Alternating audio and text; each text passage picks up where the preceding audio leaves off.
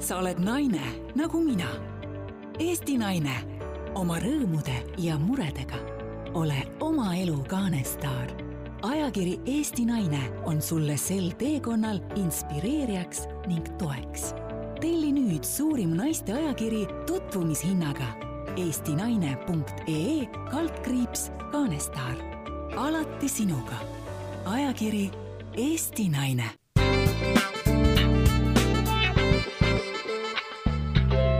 tere, minu nimi on Kristiina Heinmets ja te kuulate ajakirja Eesti Naine podcasti neljandat saadet. ajakirja peatoimetajat Heidit Kaiot seekord ei ole, nii et mul tuleb täna päris üksinda hakkama saada kõikide tehniliste detailidega, nii et pean tunnistama, et mul on veidi närv on sees, kui hääl väriseb ja ma vast kätega vastu mikrofoni lähen, siis teate, et midagi on kuskil valesti olnud. ja minuga on täna stuudios üks imearmas inimene, kellega elu viis mind kokku kaheksa aastat tagasi. ma arvan, et ma olen üks väheseid inimesi, kes teab tema kleidi suurust, kes teab täpselt, millised lõiked talle sobivad, kes teab, mis värvidest näeb ta teatud valgus ja kuidas öelda, prožektorite valguses siis hea välja ja võib öelda, et tema teekond äh, naisena on olnud selline võib-olla natuke liiga kookonis, ta on teinud meeletult palju asju, aga tema sära on, kuidas öelda nüüd, saanud ekraanile alles võib-olla ütleme sellel sügisel, kui ta alustas koostööd Eesti ühe tuntuma meessaatejuhi kõrval, tema sära, südamlikkus ja selline imeilus soojus on siis ekraanile tulnud ja liblikana sai ta tuntuks meil siin paar nädalat tagasi, kes juba vihjest aru saab. tere tulemast, Liis Lusmägi! tere, Kristiina, aitäh, et kutsusid! kusjuures see kleidi vihje, mida sa praegu siin meenutasid kaheksa aastat tagasi, jaa, tõesti, ja tead, sellega seoses mulle meenub, et äh, kui me kohtusime niimoodi kleidi valikutes, siis ma alati olin nii rahul, et kuidas üks naine oskab valida õigeid lõikeid ja õigeid värve. et äh, sa andsid mulle väga palju vihjeid, kuidas edaspidi kauplusest endale rõivad osta, aitäh sulle! oi, aitäh, ma seda ei osanud isegi mõelda, see oli lihtsalt üks osa sellisest tööst, et kuna ma TV3-s moeuudiseid tegin ja mul paluti, kuidas öelda siis, aidata riietumisel mm -hmm. kõiki teisi naisi, kes siis olid seal tagaruumis, siis kuidagi nii see asi läks, nii et aitäh sulle eks me natuke sarnased oleme, sellised eestlaslikult äh, võib-olla peene pihaga, alt naiselikumate yeah. vormidega, blondide juustega, heledate silmadega, hele nahk, et kuidagi, kuidagi sarnased nagu selles mõttes aga nüüd oled sa alustanud äh, kevadel sellist siis suuremat tele, telekarjääri siis telesaates Duubel. kevadel võib-olla vaiksemalt, vaiksemalt võib öelda niimoodi, suvi, suvi läks ikka väga ke-, ke-, ke-, keereldes või kuidas öelda siis nagu niimoodi. ja nüüd see sügis on äh, toonud kuidagi sinu selle sära ja imeilusa olemise välja, kuidas sa nüüd ise tunned ennast seda duublit tehes, et ta on nagu nii muutunud, ta on nagu läinud selliseks soojaks, mõnusaks, õhtuseks kaaslaseks tele, televaataja jaoks, et noh, see on minu enda arvamus. me Mihkliga püüamegi hoida sellist foont, et või fooni, et kui inimene vaatab seda saadet, kas siis teadlikult istub diivanil või teeb muude tegemiste kõrval televiisori äh, lahti, et siis ta tunnebki seda, et me oleme need äh, toredad kaaslased, kellega ta saab samastuda, tänu kellele ta saab end kurssi viia päeva kõige olulisemate teemadega ja ega me Mihkliga siis äh, läbi lõhki väga tõsised inimesed ka ei ole. Et sellepärast me ikka tahame mingit meelelahutust või vimkat ka sinna leida ja kindlasti me tahame pakkuda vaatajale selliseid külalisi, kellel on midagi öelda, et me tahame, et meil kõigil oleks see pooltund hästi huvitav seda on tunda, seda on näha, et ma pean tunnistama, et ma vahepeal telesaateid ei vaadanud, aga nüüd ma olen nagu taas, et tean, et õhtus üheksateist kolmkümmend on duubli aeg, et kui mul vähegi on võimalik ja ma olen juba lastega koju jõudnud, siis ma seda ka teen, nii et väga no, armas. ma ise arvan ka seda, et meil kõigil on elutempod nii kiired, ma ei tea, kuidas sinul, et sa ei jõua ju alati ütleme online portaalides ka läbi vaadata, et mis tänase päeva jooksul on juhtunud. Ja, ja siis on hea, kui üks telesaade võtab need kõige olulisemad teemad äh, lühidalt kokku ja sellest ka oli, tuli ka mõte meil ju podcasti teha, et meie naistena ei jõua emadena ja abikaasade ja muude oma rollide kõrvalt võib-olla naistega või sõbrannadega kokku saada, siis autos lapsi hommikul kooli viies või kuskil muude tegemiste vahel panna klapid pähe ja kuulata. Või kas või e-kool, mis nüüd jälle nende viiruste tõustes võib jälle väga reaalsuseks muutuda meil vahetult enne aasta lõppu veel, nii et sellest mitmed erinevad ideed. aga hakkame pihta nüüd sinu lugu siis, Liis ma tean, et aastal üheksakümmend üheksa lõpetasid sa Noa Rootsi gümnaasiumi. nii oli. Kus möödus su lapsepõlv? Äh, minu lapsepõlv möödus äh, Väike-Maarja lähedal sellisest kohast või sellises kohas nagu Vao, kus siis on äh, pagulaskeskus praegu. ja Vao küla kõrval asub Kiltsi mõis, mis on siis kunagise maade avastaja Krusensterni kodupaik olnud teatud perioodil ja see on mõisakool ja ma olen väga-väga tänulik, et mul oli võimalus mm. siis seal koolis omandada põhiharidus ja pärast seda ma ole, olin kuidagi alati teadnud, et ma ei jää sinna väikesesse kohta. et ma tahan teha sellise suurema sammu ja siis äh, venna eeskujul läksin Noarootsi gümnaasiumisse Aha. ja need kolm aastat, äh, mis seal möödusid, äh, olid suurepärased, see kooli tase oli väga hea ja see kool viis mind kokku ka naistega, kellega mul praegu on eriline side, need on eluaegsed sõbrannad, kakskümmend kolm aastat tutvust, sõprust me kasvasime koos, me arenesime koos, meie ühised esimesed mured, rõõmud, armumised, peigmehed, lahkuminekud, et äh, kõiki neid me oleme jaganud ja nad, äh, nad on inimesed, kellega me siiamaani jagame oma lastesündmusi, oma peremuresid.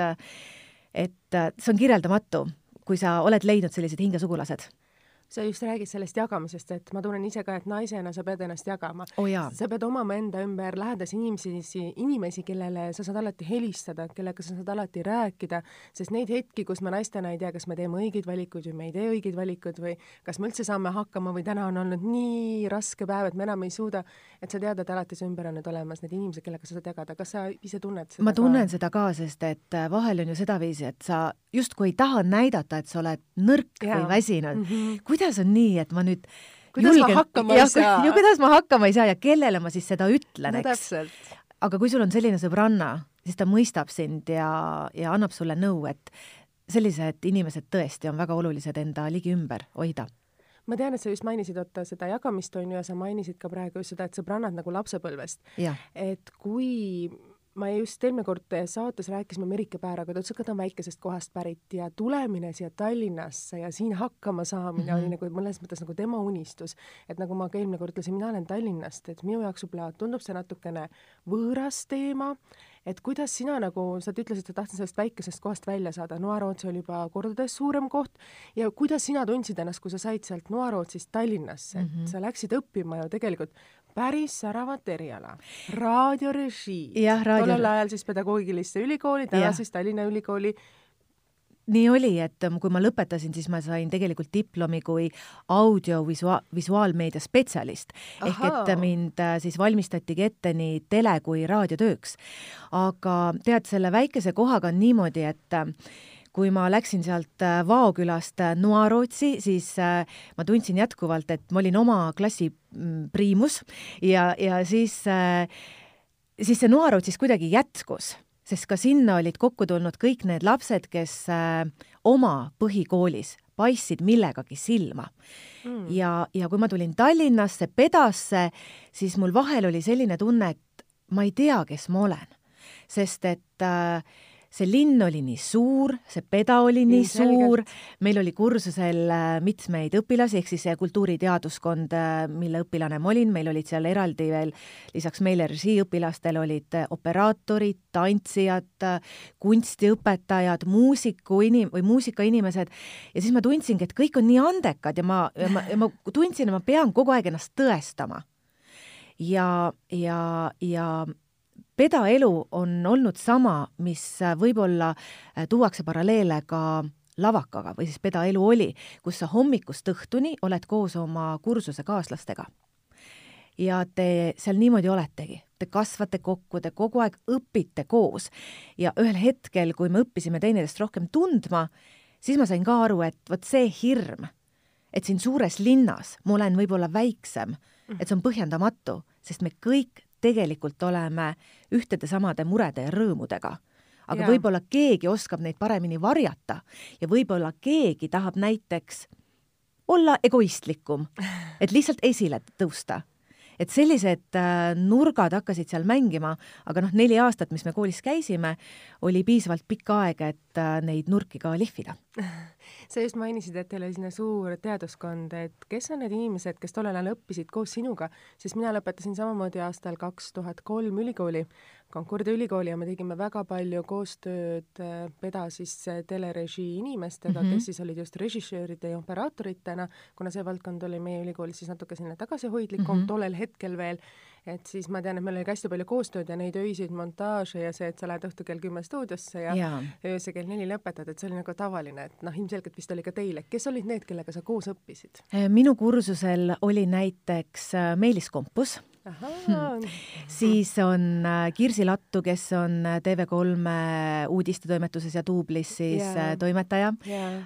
oskan sulle tuua ka veel Karin Aule nime välja, kes on Kuku raadio uudistelugeja yeah ja, ja seal koolis veel ju olid, äh, samal ajal õppisid äh, Terje Telling, kes praegu ju samamoodi töötab minu teada online-meedias, on ka äh, moealal hästi tunnustatud.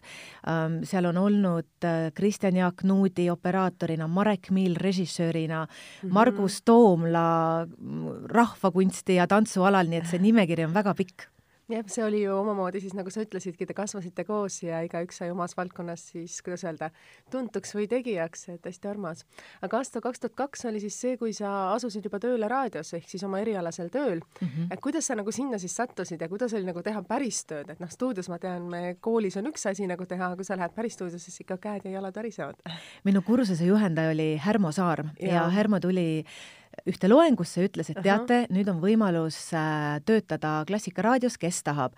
minu pinginaabriks oli Meelis Kompus ja vaatasime teineteisele otsa, me kohe tunnetasime seda, mida me tahame teineteisele öelda, tõstsime käed üles, meie oleme need kaks, kes tahaksid äh, seda võimalust kasutada. me ei teadnud, mis see on, aga mõtlesime, see, see on meie tee, me tahame sinna minna. ja Klassikaraadio pakkus siis meile religioosse saate vari ja valgus. Ja meie lähenesime sellele kuidagi väga väga ilmalikult, ehk et siis püüdsime, kuidas nii-öelda ateistid võiksid mõningaid äh, küsimusi lahendada läbi kristlike tavade või, või äh, kiriku õpetajate teadmiste läbi, et see oli selline huvitav sümbioos, mis siis äh, oli meil võimalus teha ma kujutan ette, et sellise täiesti teise valdkonnaga noore inimesena hakata tegema, et te pidite ise väga palju kindlasti juurde lugema ja arendama ennast, et see ei ole lihtne teema ju. see ei olnud lihtne teema ja eks seal oli ka erinevaid selliseid tagantjärele mõeldes äh, ka fopaasid, mida sa meenutad, mõtled, issand jumal, kuidas sai intervjuud äh, sedaviisi alustada, et mul, meil on surmatunnini meeles vist, kuidas me Aavo Üpruse käest, kes on kirikuõpetaja, küsisime, et miks lõi Jumal inimese patusena. no kuidas, kuidas sa vastad sellele, eks ju, üheselt. aga see haris meid ja sealt juba edasi tee viiski meid äh, Vikerraadiosse ja ja see lai ampluaa, mida me olime saanud siis eelnevalt kogeda, on nii mulle kui Meelisele olnud äh, suureks äh, hüppelauaks sulle järgnes siis tööd Raadio Elmaris ja Raadio kolm? jaa, Elmarisse ma läksin seepärast, et oma lõputööna ma võtsin ette siis nii Elmari kui Vikerraadio hommikuprogrammid, analüüsisin neid kui kahe enim kuulatud Aha. raadiojaama hommikuprogramme mm -hmm, ja mulle hakkas mm -hmm. väga meeldima see kuvand, mis Elmarist tuli, selline hästi soe, kuulajasõbralik ja ma mõtlesin, et ma olen töötanud Riigiraadios, aga mis tunne on töötada üldse eraraadios ja Tartus ja võtsin siis ühendust äh, tolleaegse programmi toimetajaga, pakkusin ennast välja, sobisin talle ja nii ma siis ka mõneks ajaks Tartusse elama läksin. täiesti uskumatu on see, et sa ise julged võtta vastu selliseid äh, tundmatuid valdkondi, hüpata pea ees vette ja siis mõelda, ma saan hakkama, et see on see nooruse uljus. täpselt ja minu arvates äh, me ei tohiks seda ära unustada. loomulikult me oskame analüüsida, et kas see uljus on olnud põhjendatud, millised äh, vead me oleme võib-olla teinud, millised õppetunnid me oleme sealt saanud, aga ma usun, Kristiina, et, äh, et see ka ütleme, küpses eas inimesena sul see teatud uljus on alles, see on ainult positiivne eeskuju. absoluutselt, absoluutselt, ma olen sinuga nõus, et noh, ilmselgelt ka praegu hakata nüüd pärast neid, kuidas öelda siis, duubli algset formaati vaadates, võtta see roll üle ja teha ta selliseks küpseks saateks ja sellega mm -hmm. nagu nii suurepäraselt hakkama saata, reitingud tõusevad, kõik on rahul, kõik vaatavad, et noh, ilmselgelt see on ju omamoodi, samamoodi vees ette hüppamine. jaa, mina olen alati seda meelt olnud, et elada võiks kirglikult ja tuleks teha absoluutselt, ma olen sinuga nõus tuleks teha neid neid asju, mis panevad äh, su silmad särama, ümbritseda end nende inimestega, äh, kes mõjuvad sulle hästi, kellega sul on huvitav. ma ei tea, ma, ma kuidagi nii väga tahaksin, et äh, et inimesed ja eelkõige emad ja naised, kellel on nii palju erinevaid rolle iga päev, tunneksid seda, et kui nad õhtul lähevad magama, nad sulevad need silmad, siis nad teavad, et see päev on olnud edukas ja tore ja hing lihtsalt laulab võib-olla isegi mitte, et ta oleks edukas, aga sa tead, et sa oled andnud endast parima. Ja kui sul ei ole see isegi nii hästi välja tulnud ja sul on olnud nii palju takistusi ja sa oled astunud jälle viis korda sellesama reha otsa, mida sa tead, arvasid, et sa kunagi enam ei tee, et sa tunned õhtul, et sa saad iseendaga sisemiselt rahu sõlmida. et see Väga on õige. nagu minu jaoks pigem oluline, et no silm kahjuks ei sära iga päev, sest aeg-ajalt on see gripiviirus või meil on suur nohu ja lapsel on muud teemad ja muud, muud rollid on meil vaja täita aga see, et sa oled iseendaga rahul, sa tead, andsid endast parima ja sa rohkem ei suuda, ei oska, see on nagu noh, minu kui ema jaoks nagu see nagu, mida sina ütled, on sama. ja ma olen sinuga nõus ja eks äh, kui me räägime ka lastest, kes äh, võivad vahel haiged olla, siis me ju teame, et see on üks etapp, see möödub. Ja, ja, ja see, et see teadmine, et see on mingi periood, siis äh, no see annab ka teatud jõu sinna juurde. Ja võib-olla ka see, kui eriti lapsed on väikesed, et, et selles, kuidas öelda, sattuda sellesse argipäeva rutiinist sinna lastega kodulemisse, kodulemisse rutiini, et see on ikka alguses väga raske aktsepteerida kõike seda, nende rutiine, nende nõudmisi, need väikesed iga natukese aja tagant ärkamised, et see oli näiteks noh, minu jaoks nagu ääretult raske, muidugi ma olen seda mitu korda teinud, sina samamoodi, aga just nagu seda aktsepteerida et.... jaa, aga keegi meid ju ei õpeta, keegi ja. meid ei äh, pane valmiks, valmis selleks ema rolliks, et äh, kuidas on võimalik kõigi nende äh, selle rolli täitmise juures kaotada iseennast, eks, me, me ei ole selleks valmis, aga see paratamatult äh, võib juhtuda. jah, see juhtub nii või teisiti, suuremal või vähemal määral tegelikult meid kõiki, küsimus on see, kuidas me sealt nagu välja saame, või näiteks me olemegi kodused ainult see kuu-kaks ja võtame enda kõrvale inimesed, kes hakkavad me lapsega tegelema ja me mm -hmm. läheme töörindel tagasi, mis on nagu mujal välismaal pigem sellisem populaarsem, et sellist kodus olemist, äh, mida Eestis on võimalik, saavad tegelikult väga vähesed naised üle maailma endale lubada, mis ja. on siis ametlikult nagu toetatud, aga milline ema sa siis oled, kui me juba laste juurde jõudsime, et me kõik ju nägime seda suurepärast lõiku, kuidas lapsed on diivani peal ja arvavad, kes see on ja kes see on ja ema ongi ekraanil see imeilus särav liblikas, et et milline ema oled sa ise ja kuidas see hetk nagu sind nagu pani lapsi vaatama? mul on kaks last, mu vanem tütar on kaksteist ja poeg on siis kuueaastane. Lapse saamine minu jaoks ei ole olnud äh, kerge, see, et ma saaksin äh, emaks, see on tulnud läbi raskuste Aha. ja sellepärast ma väga väärtustan seda, et nad on minu elus. ja võib-olla see lapsemeelsus, mis alati minuga on kaasas olnud äh,, mulle meeldib, et, et me toetame seda jätkuvalt nii-öelda perekonnana, et äh, minu jaoks lapsed ei olegi nagu lapsed ja mina nende jaoks võib-olla, võib-olla ei olegi nii palju kui lapsevanem, vaid meil on selline sõprussuhe, ma ei tea, kas see on õige tegelikult, aga selles sõprussuhtes me austame teineteist, äh, nad aktsepteerivad mind, nad teavad, et kui ma midagi palun, siis seda tuleb täita, vaidlemisi väga ei ole ja ma pigem tahaks uskuda, et, et seal ongi sellist äh, suurt armastust, teineteise mõistmist ja kuulamist, et minu jaoks ongi hästi oluline see, et laps teaks, et ma kuulan teda, ma olen tema jaoks oluline ja et ta võib mind usaldada. et ma tõesti tahan, et kui neil on mõni mure, siis nad teavad, nad võivad rääkida mulle absoluutselt kõigest see on hästi armas, et sa julged seda tunnistada, et sa ei tea, et sa proovid olla selline ema, sa tahad omada sellist sõprussuhet, aga sa ei tea, kas see on õige või Just. see ei ole, sest tegelikult ega me emana ei teagi ju, sest ühele lapsele võib-olla sobib üks suhe, teisele lapsele teine suhe, me oleme kõik erinevad, nii emadena kui lastena tegelikult äh, perekonnas, et see on nagu sinust hästi armas, et sa seda nagu ütled, ma ütlen selle ausalt, ma ka ei tea, kas ma olen hea ema. võib-olla kui lapsed on suured, äh, juba kodust ära läinud, võib-olla siis ma saan selle vastuse, sest praegu samamoodi, see on ju katse-eksitusmeetod. jaa, aga kas sulle ei tundu, et see, kuidas võib-olla laps sinu sinuga räägib või milliseid tänuavaldusi ta sulle ütleb, siis see juba näitab ju ära, kui palju sa oled õigel teel. No ütleme niimoodi, et mul on kodus üks vara, varateismeline Nendega on keeruline. kes on natukene, saab viisteist, et mm -hmm et teda ma pean täna aktsepteerima tema sellises hormoonide möllamise perioodis ja sellises natukene teistmoodi maailma tunnetavas perioodis, et see on nagu minul nii naisena kui emana raske, aga ma proovin endast anda parima, aeg-ajalt ma pean tunnistama, et ma ei suuda seda väga hästi, väga hästi sellega hakkama saada, et ma tean, et ka sul on teismeline tütar, et ta on veel küll kaksteist, et see nagu, kaksteist ma tundsin, et see vanusest hakkab nagu see väga üles-alla kõikumist Ameerika no meil neid on juba olnud. et, et see läheb, minu perekonnas on see läinud nagu veel täna mm. natuke keerulisemaks, väga kiireks see tempo, aga ma loodan ka sellega hakkama saada, sest see on samamoodi võib-olla periood, mis on võib-olla pikem kui see näiteks väike haigus või mingi väikseks lapse, väikse beebina olek, aga ma loodan, et see läheb ka mingil hetkel mööda. ma, ma alati sellistes olukordades, Kristiina, püüan äh, samastuda, et huvitav, miks tal võib-olla selline trots või selline halb tuju praegu on. et, äh, et vahel see õnnestub, vahel mitte, kas siis läbi küsimuste küsida, et kas sul täna juhtus nii, tahad sa sellest rääkida, jah, vahel seal siis äh, nii-öelda äh, prõmmitakse mulle vastu, eks ju, nende emotsioonidega, aga ma arvan, et äh, see on palju olulisem, kui sa püüad mõista selmet, et hakata ise siis samale tasemele laskuma ja siis lõpuks ongi võib-olla kaks nääklevat inimest seal ja sel-, sellest nagu mitte midagi head välja ei tule. vaata, ma kardan, et mina, mina kipun olema see nääklev inimene, et et ma kuidagi ei suuda nagu hallata teinekord kõiki neid teemasid, et kui sul on kolm last, kes kõik tahavad vastust saada ja korraga, sest on hommik ja sa pead nad kõik valmis seadma mm -hmm. ühel ajal ja kõigil, kõigil on midagi korra vaja, siis sa ei suuda nagu jääda selleks rahulikuks täiskasvanuks, vaid sa sa laskud nendega ühele tasemele, sest me kõik peame ühel kellaajal ju välja minema. et seda ma tunnen võib-olla oma emana ei tee nii hästi ja ma tean, et sa ka oma Instagramis, ähm, ma tean ka seda perioodi, et kui sa noh, oled õnnelik, siis sa paned sinna Instagrami oma pildi mm -hmm. ja sinul on sellised armsad pildid ka pojaga mm -hmm. ja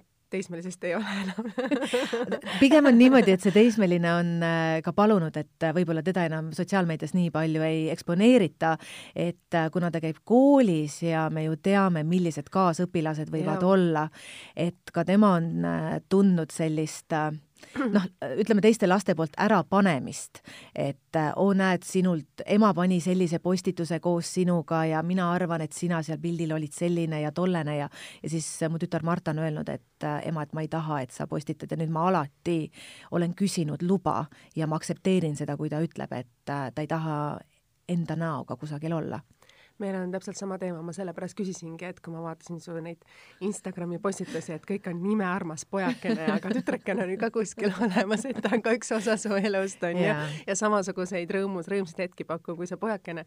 mul on endal täpselt sama teema, et Instagrami pannes siis äh, kohe viieteistaastaseks poeg juba aast-, mitu aastat ütleb, et ema, meil on mhm. kokkulepe, ma ütlesin, tead, aga kui mul on emadepäev, siis on minul õigus panna pilt üles, ma olen ka sinu ema kui ma seda soovin. ja siis ta on nõus? no siis, siis me ütleme, et vaata, see on kompromiss, et muus ja. osas on sinu, sinu õigus, aga kui on emadepäev, siis see on minu õigus. et noh, mingites, mingites osades me saame nagu samamoodi nagu läbi rääkida, aga mm -hmm. neid vastuseid küsimustele, kui ma küsin, siis meie peres neid küll ei eksisteeri veel väga.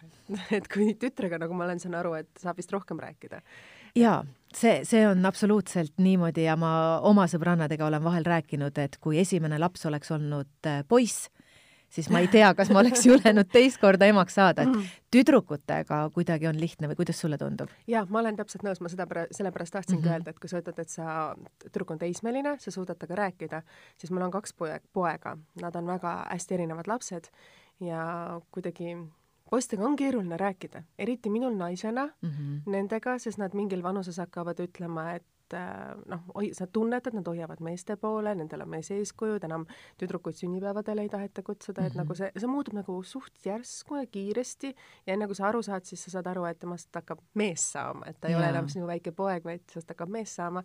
aga tütrega on kuidagi lapsest saadik, et tal on ju ka ühised teemad, et noh, loomulikult on tema lemmikuks on ju ka minu kosmeetikakott ja minu ehete karp ja ma ei taha hakata, ütleme neid hetki meenutama, kus need on kõik pahupidi keeratud ja seal tuleb järgmine päev poodi uuesti minna, noh, sina oled ka selle kindlasti üle elanud. või noh, või teemad, et noh, sa ilmselgelt loed Tuhka-Triinu muinasjuttu paremini kui mõnda muinasjuttu, mis on nagu poistele mõeldud või ilmselgelt sulle meeldib neid barbidega ka ise panna riidesse, kui siis toksida mingisuguseid dinosauruseid kuskil savi seest äh, sellise haamrikesega lahti, sest jõuludeks neid kingiti, et noh yeah., lapsed tahtsid või legosid kokku panna. et noh, ilmselgelt on ka teemasid, milles sa saad ise rohkem samastuda emana. nii on.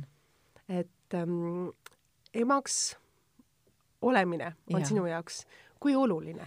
väga oluline, see on, see on suurim õnn ja rõõm, mis minu arvates äh, ühe naise elus äh, võiks olla. mulle meeldib üks äh, selline ütlus, et elus ei ole oluline materiaalsus, vaid elus on oluline see, et sa tunned, et sa oled armastatud. ja minu jaoks on see rõõm, kui äh, ma lõpetan oma pika tööpäeva, mul on praegu tööpäevade pikkus ütleme kaksteist tundi. Ja kui ma jõuan koju, on äh, abikaasa nad juba kenasti voodisse pannud ja ma saan olla see, kes äh, saab neile siis veel head und soovida või siis unejuttu lugeda. Ja, ja, ja see viimane kallistus sel päeval saada oma lastelt, see on nagu selline suur tänu, et et vahel on väga raske olla nendest eemal, mitte võib-olla osa saada kõigist nendest äh, ehedatest emotsioonidest, kui laps tuleb lasteaiast või koolist ja ta räägib, mis tema päeva jooksul juhtus, vaid siis isa on see, kes, kes kõigest sellest osa saab.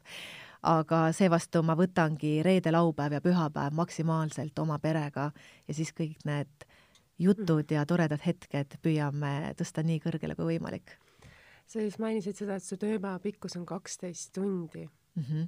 sul peab olema väga suur, kuidas öelda, turvaline ümbrus, et sind toetatakse. ja nagu sa ütlesid, abikaasa teeb praktiliselt neli osa, neli päeva nädalas siis suurem osa tööst ära selle pere peale, nii ema kui naise osas siis see.... mitte isa ja, isa ja ema osas siis mm -hmm. nagu selles mõttes, et milline abikaasa sul on? mul on äh, väga hea abikaasa, et äh, see teekond on olnud äh, koos kasvamine, eks meil äh, kõigil on omad äh, vead ja plussid ja tema on pärit Saaremaalt ja siis tema ütleb, et tema on minu Ott Tänak, sest et Ott Tänaku, Ott Tänak on ju ise öelnud, et, et ta võib olla oma spordialal selline kange ja vankumatu. Ja, ja, ja minu mees ka saarlasena tahab olla selline, et mina tean, kuidas asjad on, eks. aga noh, kui perre tulevad lapsed ja teist moodustab see perekond, see tervik, siis äh, tuleb hakata teineteisega arvestama ja kõik sellised otsused, mis ma ka, mis on suured ja mis ma tööalaselt näiteks äh, või millega ma siis tööalaselt pean siduma, ma kõik räägin oma mehega läbi.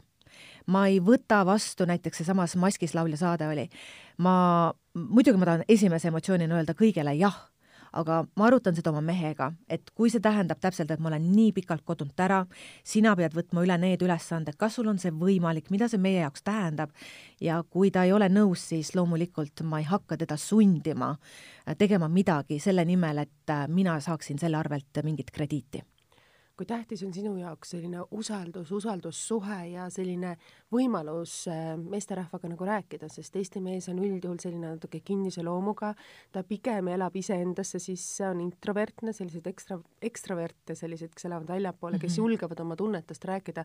et see on tänapäeval väga suur probleem, väga paljudes sellistes ka ajakirjanduses ja portaalides me loeme, et Eesti mees on liiga kinnine ja sa räägid täiesti vast-, vastanduslikust äh, Eesti, kuidas öelda siis mehe tüübist, kes räägib, kes on nõus sind aitama, toetama, et kuidas, kuidas see on juhtunud või kuidas te olete suutnud seda saavutada oma peres mm,? meil on võib-olla pigem nii, et tema on valmis äh, mind alati kuulama, aga kui mina pöördun tema poole, et räägi mulle ka oma muredest siis sealt tuleb välja see kinnine eesti mees, kes ütleb, et pole temal viga midagi, kõik on hästi. aga ega Kristiina alati ka kõik nii hästi ei ole olnud, et äh, ma näiteks kolm aastat tagasi, kui ma õppisin, läksin, ma, ma kuidagi olin ennast kaotanud. Ja siis ma mõtlesin, mis on see, mida ma tahan teha, et kuidas ennast taas leida, siis ma, siis mulle on alati meeldinud õppida. Ja siis ma läksin majanduskooli õppima sotsiaalmeedia spetsialistiks ja see oli selline tore aeg, kus jälle uued tutvused, uus energia.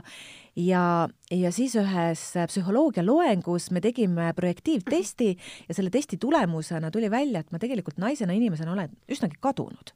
Ma teadsin seda, aga vahel on ikkagi see, et sa paned mingi maski ette, sa lähed, teed oma asjad ära mm, -hmm. aga võib-olla see sisemine dialoog, mis sinuga on, on nendel teemadel, et pagan küll, ma ei oska enam kusagilt nagu energiat leida, eks. Yeah ja, ja, ja või mis üldse, kas, kas ma olen õiged valikud teinud, et sul tekib selline kahtlus iseendas. just, väga õige. ja, ja siis ma kohtusin ühe mentoriga või coach'iga, kuidas neid tänapäeval nimetatakse. koolis siis äh,? jaa mm. -hmm. Minu psühholoogia õppejõud soovitas siis oma mentorit Aha. ja kohtusin temaga. väga huvitav ma olen hästi tänulik selle hetke eest, et osati nagu ära tabada ja leida seda, et, et minuga võiks rääkida. Ja need mõned korrad, mis ma siis selle mentoriga kohtusin, ta küsis minu käest mõned küsimused, mis aitasid mul siis jälle leida selle tee ja selle suuna, et mis minu jaoks elus on tähtis ja ma rääkisin ka oma mehega just sellest, et äh, mis on mind sinna siis viinud nii kaugele, et ma olin enda kaotanud mm. -hmm. ja vastus sellele oligi see, et ma pidevalt tundsin, et ma pean justkui kõik ise ära tegema oi kui nii sarnane tunne midagi, et sa naisena tegelikult sa noh, noore tüdrukuna sa abiellud, sa saad selle pere ja neid ko-, kuidas öelda, need asjad kuhjuvad sul lihtsalt nii suureks, aga sa oled harjunud ja saadki kõigega hakkama, aga mingil hetkel sa tunned, et sa pead õppima jagama. aga oskus jagada ka selliseid kohustusi, rutiinseid asju on võib-olla meie naiste jaoks keeruline, minu jaoks oli see hästi keeruline, et ma ei saanudki aru, et noh, kuidas ma siis ei saa hakkama, et noh, mhm. ma ju pean saama, et kõik saavad sellega hakkama. aga just see oskus nagu rääkida nendest asjadest, et kuidas teistel on või kuidas see tegelikult peaks käima, et seda ju kuskilt sa ei õpi, vaid see tuleb osa sinu elust ja kui sa ise ei suuda rääkida seda isegi sõnastada, et mida sa tunned sisemiselt, siis on ju keeruline. see on keeruline ja ma arvan, et me naistena soovime ka seda, et et meie kallis kaasa saaks ju ka enda asjadele pühenduda, et kui ta ütleb, et tal on äh, väga oluline töö või väga olulised projektid, siis sa ju loomulikult võtad kõik need koduasjad enda kanda, et mees saaks oma asjad sada protsenti ära teha. Ja, ja meie peres tekkiski see arutelu, ma ütlesin, et näed, mina tunnen, et ma olen andnud endast nii palju. Ja nüüd on see, et kuidas me siit edasi läheme, et ma tean, et sa pead tulema mulle mõningate sammudega vastu selleks, et ma ei oleks enam nii kadunud. see puudutaski äh, laste kasvatamist, see puudutas kas või meie enda paarisuhte aega, romantikat wow.. näiteks soovitati meile, et vahel võiks äh, võib-olla magamistuppa tuua särtsu või rollimänge kas ma võin esitada küsimuse ja kuidas see siis käis? mu mees polnud nendega nõus aga ta leidis seda, et rohkem võib-olla väljas kohvikutes või restoranides käimine, et ja. sinna võiks aega leida. see on tegelikult meie naiste jaoks hästi oluline, et sa oled kodus, kõik on nii mugav, loomulikult see söök on hea ja kõik, aga kasvõi see, et sa saad korra välja mm, -hmm. kasvõi see, ma mäletan väikese lapsega kodus, et sa läksid toidupoodi, sa tundsid, ma saan hingata korra, et sul ei ole kedagi sinu küljes kinni, mis on küll imeline tunne aga ennast korra nagu samamoodi naise või inimesena tunda, et see restoranid ja kohvikud on, ma tean seda, et ma ise ka tundsin seda, kuigi ma reede õhtul ei jaksa mm, -hmm. ma mõtlen kell seitse sa pead välja minema, pool seitse ma olen veel, kuidas öelda, riietega, mis on veel lapsed, laps on teinud sellised märjad plekid peale ja. oma moosiste kätega või kuidagi, et, et jah. no ja kuidas sina nagu tunned selles osas, et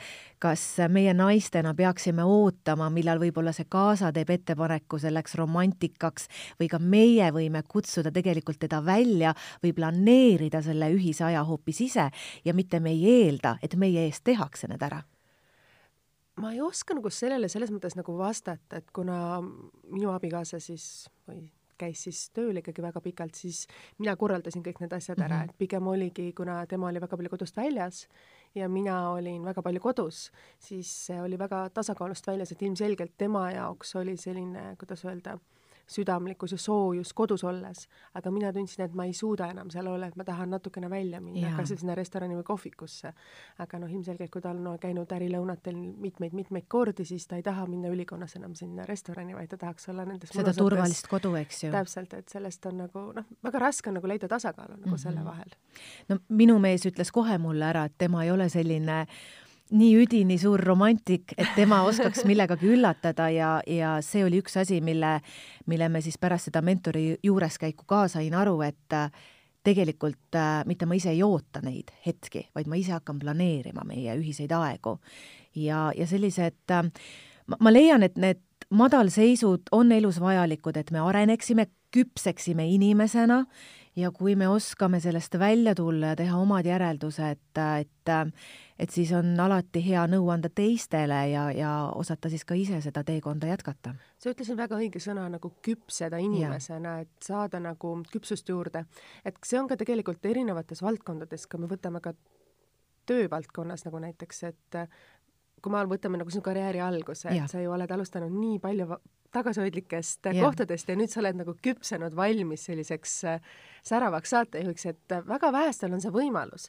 kuidagi eriti meid naistena elimineeritakse mingisuguses vanuses ära ja sul on väga raske, kui sa oleksid valmis olema see saatejuht, kui sa oled oma hääle saanud korda, sa oled saanud, kuidas öelda, oma kirjutusmaneeri korda, sa tead juba, kes sa oled, et siis sa kuidagi enam ei sobitu sinna ekraanile, et siis tuleb keegi uuem ja noorem ja kui me vaatame moel välismaal, siis on tegelikult vastupidi, et need kõige armastatumad ja südamlikud saatejuhid on hoopis nelikümmend, viiskümmend, kuuskümmend pluss ju. Nii ongi ja eks siin ju mängib või mängivad rolli nii mitmed erinevad asjad. minu puhul, Kristiina, konkreetselt ma tean, oli ka see, et ma olin niivõrd ebakindel, et äh, noh, mitmeid kordi mul oli üks selline rumal komme, ma ei soovita seda tegelikult mitte kellelgi teha, ma ei tea, kuidas sinu elus on olnud, aga kommentaaride lugemine anonüümsed kommentaarid, no miks me peaksime neid tegelikult äh, lugema, eks, kui sa mõtled? Ma kunagi neid lugesin aastaid tagasi, ma mäletan, kui ma tegin Tantsutähtedega saatega, siis ma olin natukene, kuidas öelda, nagu šokis, et sinnamaani ma aga see oli neliteist aastat, neliteist mm -hmm. aastat, ei, jah, neliteist, kolmteist, neliteist aastat tagasi, et siis oli esimest korda, kui ma nagu sain sellise äh,, elasin nagu läbi nagu seda veel. aga hiljem kuidagi see nahk saab nii paksuks ja jämedaks, et sa isegi kui sa endale pilgu peale viskad, et sa lased mm -hmm. nagu selle nagu enda silmist mööda, et sa ei lase, ei võta seda hinge, sa ei võta endale sisse et see on võib-olla, aga pigem kui sa räägid seda, et sa olid nagu tagasihoidlik või selline, siis TV3-s ma mäletan, kui sa ilmateaduste ajal olid, vastupidi, minul oli vastupidi, mul oli pigem tundus see, et sa, sa särad, aga keegi ei oska nagu seda Hinnata, märgata ja mm -hmm. nagu näha nagu sinust selles, selles mõttes, et kui sa ikkagi ekraanil oled ja sul, kui sa räägid, sa oled nagu päike seal, mhm. siis kahju, kui keegi lihtsalt ei märka ja minu arust on, mul on hea meel, et sa oled tagasi seal. no aitäh nende heade sõnade eest.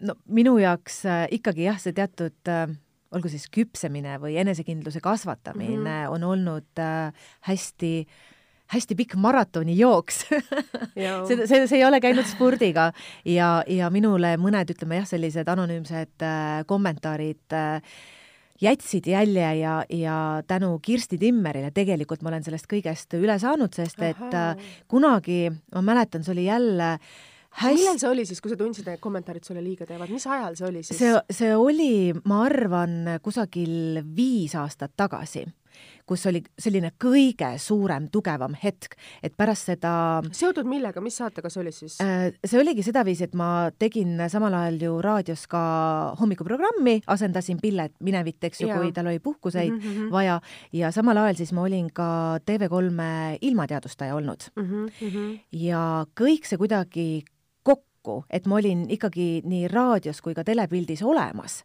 mm, -hmm. siis äh, noh, need kommentaarid, mis erinevates portaalides võisid tulla mm, -hmm. siis, äh, siis see arvamus, et äh, see blondiin on nii loll ja ja, ja kes üldse teda raadiost kuulata tahab, noh, sellised asjad jätsid teatud jälje.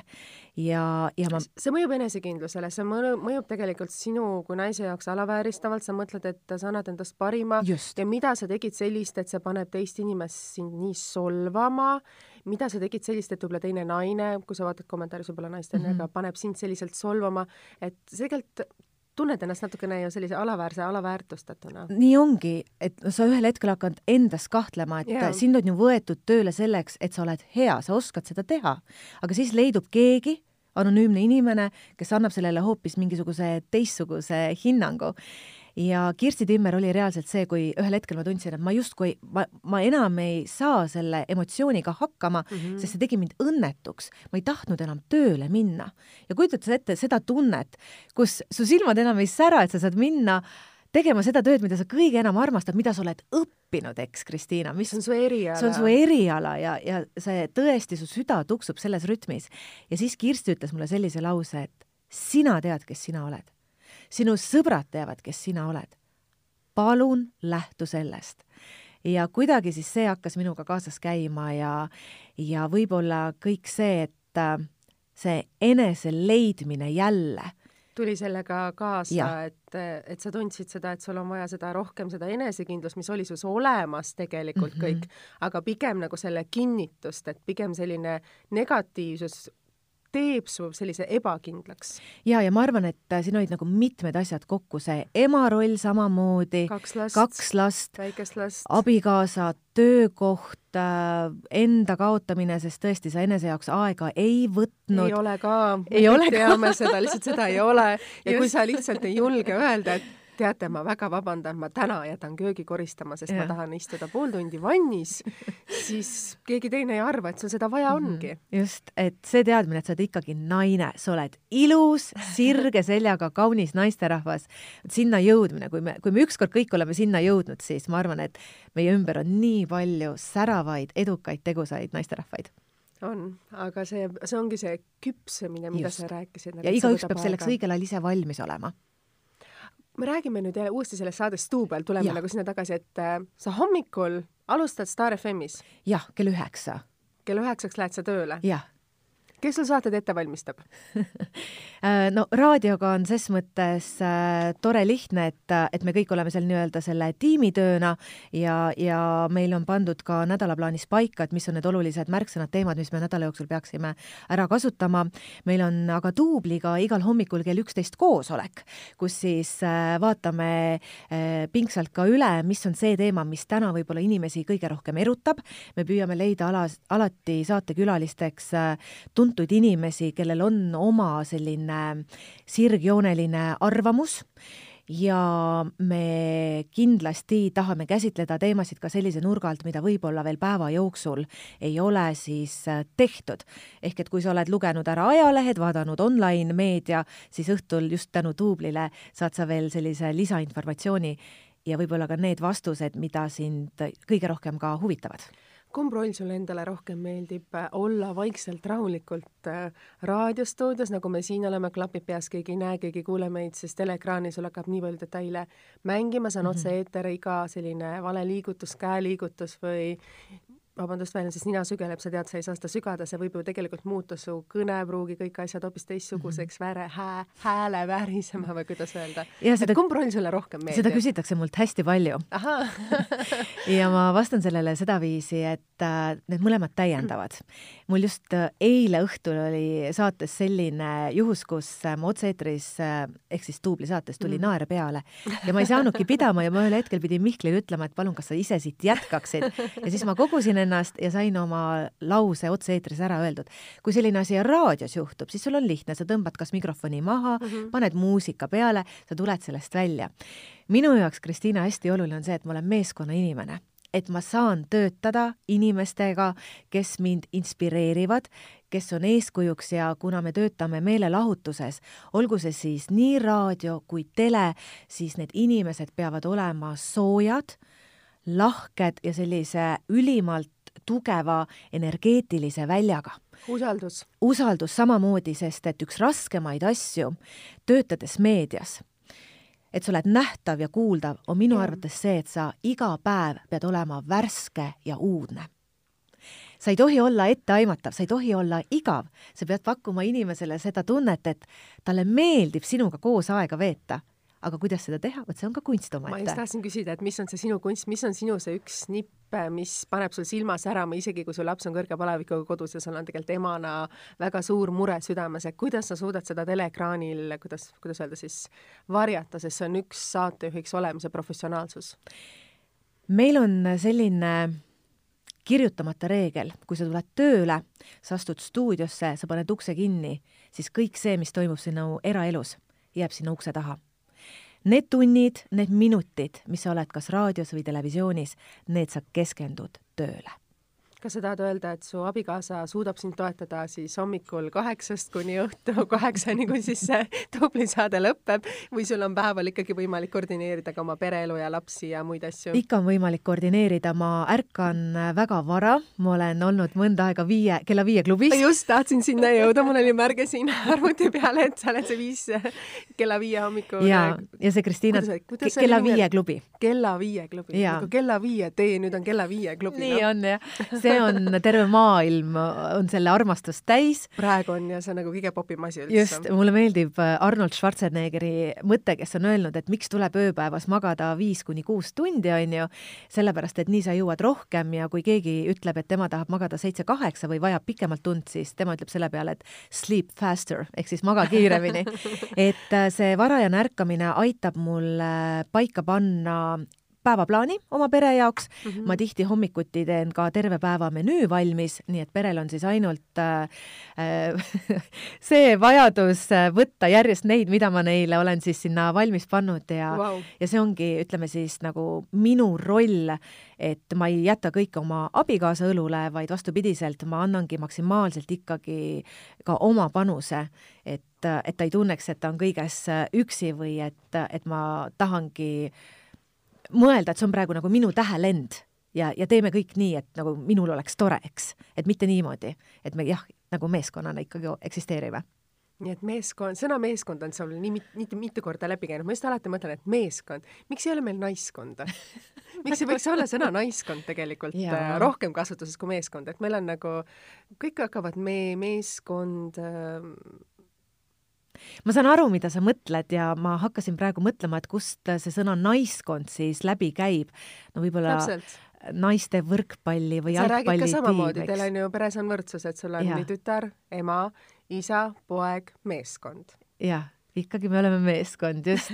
võib-olla see jälle on see, mismoodi on äh, teatud paradigmad või kuidagi ühiskond meid vorminud ja, ja eks ole näha, kuidas aeg kõike seda muudab igal juhul sina oled saanud äh, imeliselt hakkama sellega, et sa suudad kõik ära koordineerida, ära organiseerida, sul on äh, sära silmis ja nüüd kuhu edasi? Äh, kuhu edasi, sa mõtled nüüd nagu üleüldiselt või? ma mõtlen nagu, nagu naisena, et kui sa mhm. tunned, et sa oled saavutanud selle enesekindluse, sellise ma tean, kes ma olen, ma teen oma unistuste tööd, ma juhin raadiosaadet, ma olen teleekraanil saavutanud selle oma oma ise isiksuse, isiksusena selle soojuse ja südamlikkusega, mis mul seest tuleb mm, -hmm. positiivse vastuvõtu, et kuhu edasi? mis on, on sul veel mõni unistus äh,? mul on unistusi mitmeid ja no, kas me avaldame siit mõne ja sellepärast, Kristiina, ma julgen ka öelda, et äh, miks võib-olla elus tuleb rohkem öelda jah, kui et ei, on sellepärast, et kui sa ütled jah ja sa saad mõned need ootused, lootused, unistused täita, siis on ju ruumi juba järgmistele ja minu üks äh, suuremaid äh, unistusi kindlasti on see, et äh, ma loodan väga, et ma saan koos Mihkliga jätkata TV3 ekraanil pikki aastaid ja ma tõesti räägin sulle aastatest, sest me Mihkliga oleme omavahel rääkinud, et no kümme aastat võiks ju ära tulla, enne kui võib-olla tema pensionile läheb. Et praegu see tunnetus on meil väga hea, mulle meeldib see telekanal, kus ma praegu olen ja, ja ma, ma tahaksin tõesti olla pikalt veel nii ekraanil kui ka raadios. aga eluliselt võib-olla kõige suurem unistus mul on see, et ma olen inspireeriv eeskuju oma lastele. et see on nagu kõige tähtsam, et kui nad kui nad mõtlevad minu peale, et siis äh, nad oskavad sealt välja noppida mõningaid äh, tarkuseid mm, ilusaid mälestusi ja, ja ma kindlasti tahan, et, et inimesed mind nähes või kuulates, nad tõesti oskavad midagi sealt kaasa võtta oma igapäevaellu Need on ilusad mõtted, Liis, mida sa ütlesid, need Aitäh. unistused on nii armsad, ma arvan, et mina naisena suudan sellega, mitte ei suuda, vaid tahaksin samastuda, tahaksin täpselt samu sõnu öelda oma elu kohta. et see, mida ma teen, annaks, oleks hea mulle ja ma loodan, et ka see meeldiks teistele ja samamoodi loomulikult on pere alati kõige tähtsam ja kõige olulisem meie kui naiste jaoks. jaa, sest vaata, suhted on olulised mm -hmm. ja, ja head emotsioonid on samuti tähtsad. ma leian, et äh, sa ei saa materiaalsusega osta õn õnne ja rahulolu. see, see, noh, see kuidagi nagu toetab seda kõike yeah., aga päeva lõpuks on tähtis see, et sa sisemiselt kuidagi et, oleksid rahul. et sa tunned, et see on õiglane. et sa tunned, et kõik see, mis on sinu ümber, on õiglane et olenemata millismoodi ja kuidas, aga et see õiglustunne on näiteks minu jaoks hästi oluline. ja samamoodi ka see, et sa oskad tunda ennast õnnelik, no mis sest, et sul kõik päeval ebaõnnestus, aga sa oled õhtul kodus, sul on tuba soe, sul on toit laual, sa saad minna selle sooja veega duši alla, mis võib-olla on paljude jaoks nagu luksus, et sa oskad tunda nagu rõõmu sellistest pisikestest detailidest ja asjadest. ehk see on tänulikkus, mida ja. sa praegu kirjeldad. võib-olla tõesti siis aga Liis äh, mul on nii hea meel, et sa tulid siia stuudiosse. ma arvan, me võiksime rääkida rahulikult veel järgmised kaks-kolm tundi, aga otse-eeter on ootamas. hommikune, kuidas öelda siis, raadiosaate juhi amet on juba möödas, koosolek on tehtud ja nüüd e-, otse-eeter ootab sind, nii et suur aitäh sulle jagamas seda soojust, seda südamlikkust. nii palju isiklikke detaile siin podcastis, et äh, veel kord suur-suur tänu sulle aitäh, Kristiina, ja ma ütlen siia ka, et jõudu sulle, edu inspireerimaks iseennast ja inspireerimaks ka teisi naisi, aitäh! aitäh sulle ja aitäh, et sa jagasid oma õnnestumisi ja oma teekonda siin kõigi Eesti naiste jaoks siin podcastis, aitäh sulle! ja kallid kuulajad, ajakirja Eesti Naine podcast saate, saate saadet kuulata nii SoundCloudis, Spotify's kui ka Tasku Delfi keskkonnas ja saate sellel ka Instagrami vahendusel silma peal hoida siis kristina.heinmets.podcast. aitäh, et te kuulasite, ma loodan, et teil oli inspireeriv kohtumine Liisiga ja aitäh teile ja kõike head!